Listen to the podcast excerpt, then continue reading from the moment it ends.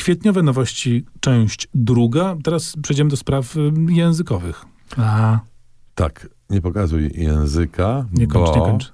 Daniel Everett zaraz ci go opisze i opowie, do czego on służy i od kiedy on służy. Język narzędzie kultury. Tak się nazywa ta książka Daniela Everetta. Gruba jest. Wybitnego lingwisty anglosaskiego i tak naprawdę ten tytuł bardzo dużo mówi o tej książce, bo książka jest o języku, o języku rozumianym w bardzo specyficzny sposób. To znaczy, Daniel Everett nie zgadza się z Noamem Chomskim, który, jak wiemy, wymyślił tak zwaną uniwersalną gramatykę i twierdził, że język jest zapisany w genach. Daniel Everett twierdzi, że język został wymyślony tak jak inne narzędzia kultury, jak chociażby łuk na przykład.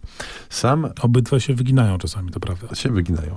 Sam badał e, języki Indian Puszczy Amazońskiej, na przykład plemienia Piraba, chyba najdłużej, ale też wielu, wielu innych. Jest to wszystko napisane bardzo, proszę się nie przerażać, lekkim językiem. Łatwo i przyjemnie się tą książkę czyta, a Daniel Everett ma jeszcze słabość do popkultury, więc tu cała masa jest piosenek, które się pojawiają na kartach tej książki i można sobie czytać o języku, nucąc jednocześnie.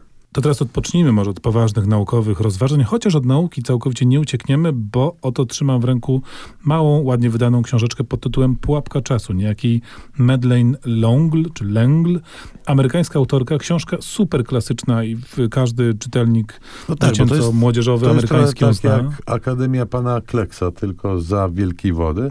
W ogóle nie rozumiem, dlaczego ta książka się nie przebiła, nie przyjęła, bo ona już była wcześniej i tłumaczona, i wydawana. No tutaj polskim. musiał Hollywood przyjść z odsieczą i by wielka, głośna premiera, różnie komentowana filmu Pułapka Czasu sprawiła, że mamy oto nowe wydanie bardzo zgrabne. To jest ciekawa rzecz, chociaż muszę powiedzieć, że taka dość dla mnie konfundująca, bo ona wprawdzie zaczyna się dość klasycznie i bardzo atrakcyjnie, czyli mamy główną bohaterkę, dziewczynkę, która no trochę odstaje od towarzystwa, jest jakaś taka jakby wolniejsza i mniej mądra, chociaż szybko rozumiemy, że tak naprawdę jest na odwrót. Ma brata, który w ogóle postrzegany jest jako zapóźniony w rozwoju, a tak naprawdę jest małym geniuszem.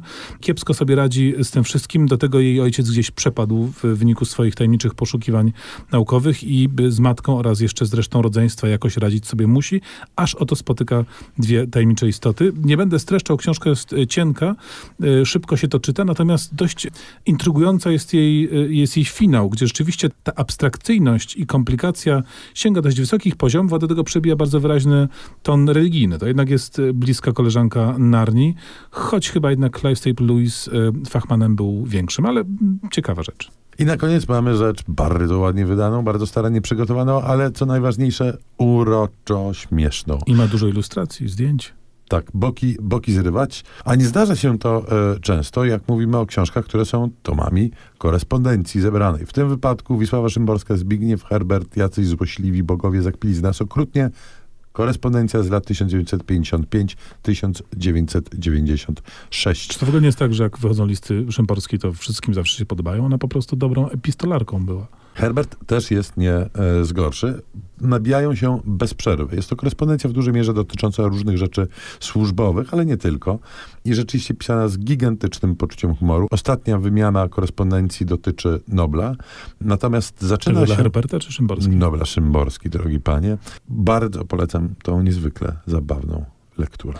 No więc skoro było o języku, a teraz jeszcze było o korespondencji, to może tak muzycznie też wejdziemy w klimat trudnych kontaktów i porozumiewania się. Fragment muzyki z filmu Nowy Początek, y, skomponowanej przez Johanna Johanssona.